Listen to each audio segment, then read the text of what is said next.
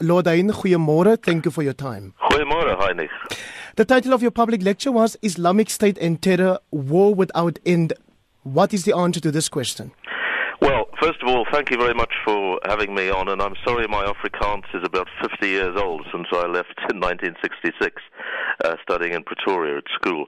Uh, Islamic State is now the biggest terrorist threat, not just in Syria and Iraq, but right across the world. We've seen them strike in London and in Manchester recently to terrible effect, just killing innocent people in suicide missions. And I think the heart of the problem is that the divisions in the Middle East between, on the one hand, the Shia sta- strand of the Muslim faith led by Iran and the Sunni side of the Muslim faith led by Saudi Arabia, and all sorts of factions in Syria fighting each other, uh, not just everybody united in fighting Islamic State and driving them back as uh, as they have been recently, and with Turkey playing a kind of divisive role there as well.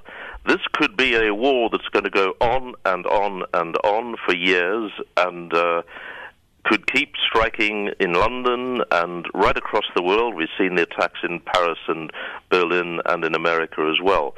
And what I think needs to happen is that Washington and London and Brussels need to say to the Saudis and the Iranians, you've got to work out a common strategy and agree amongst each other rather than using your militia and your proxies to fight each other.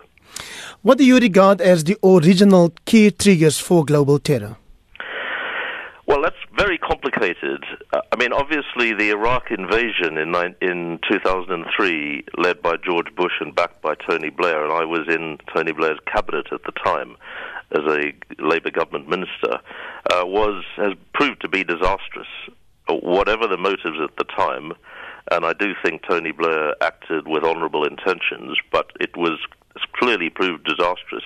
But remember that the Al Qaeda attack on the Twin Towers in New York when they rammed those planes into those tall buildings had happened uh, two years previously, so in 2001. So the 2003 Iraq invasion is not the sole reason for this. It goes back a, a deeper roots all sorts of divisions within the Gulf uh, states, the Middle East states, uh, ethnic tensions, tensions between different um, uh, strands of the Muslim faith, the Sunnis and the Shia. The Sunni-Shia conflict is now can be as ferocious as the conflict centuries ago in Europe between Catholics and Protestants.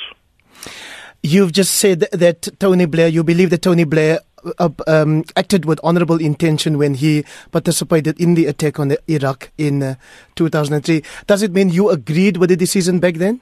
I did. I believe the weapons of mass destruction intelligence that most people believed as well, and that was the reason I uh, agreed to his recommendation. But that was completely wrong, and uh, you know I've said since that was a big, big mistake. It, it, we went to a war on a lie, though we didn't know it at the time. Uh, and it has proved tragic. But it is not the sole cause of the uh, the mayhem in the Middle East at the present time, which was actually triggered after the Arab Spring. You'll remember in uh, 2011, um, six years ago, in Tunisia, and and then spreading right across North Africa into Egypt, uh, and eventually into Syria there was uprisings by the people against uh, the dictatorships which were and the autocracies which were um, ruling those countries.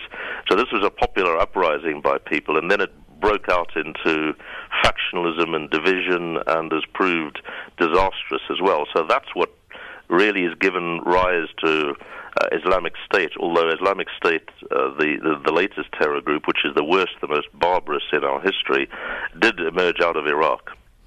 Britain is currently occupied with Brexit, and in the United States, we see almost daily disruptions in the Trump administration.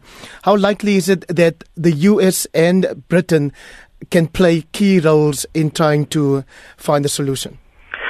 Well, I hope they do, but I see no sign, sign of it at all, Henrik. None at all. Uh, the leadership from Washington under President Trump is abysmal. He keeps tweeting and making bellicose, bombastic statements instead of carefully uh, judged diplomacy when that's what's needed. And the Theresa May government in London is in chaos there's no leadership coming from there either. The only leader at the moment of any stature in the world um, is Angela, Angela Merkel in Germany, and even she's not very decisive on the Middle East. So I, I think we've got a poverty of leadership.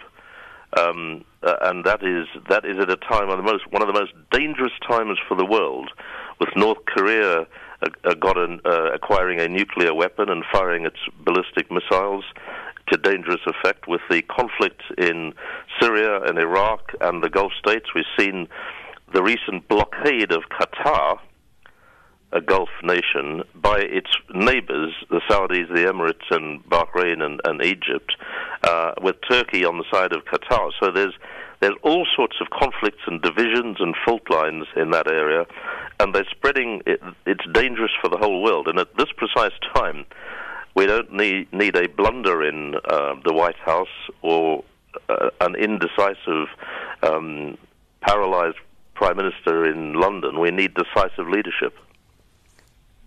Lord Hain, we have about one minute left for this interview. Just yesterday, a car bomb exploded in Somalia, um, injuring 10 people. Do you think in Southern Africa and South Africa we are safer than other parts of the world where you see regular terror attacks? Nowhere safe.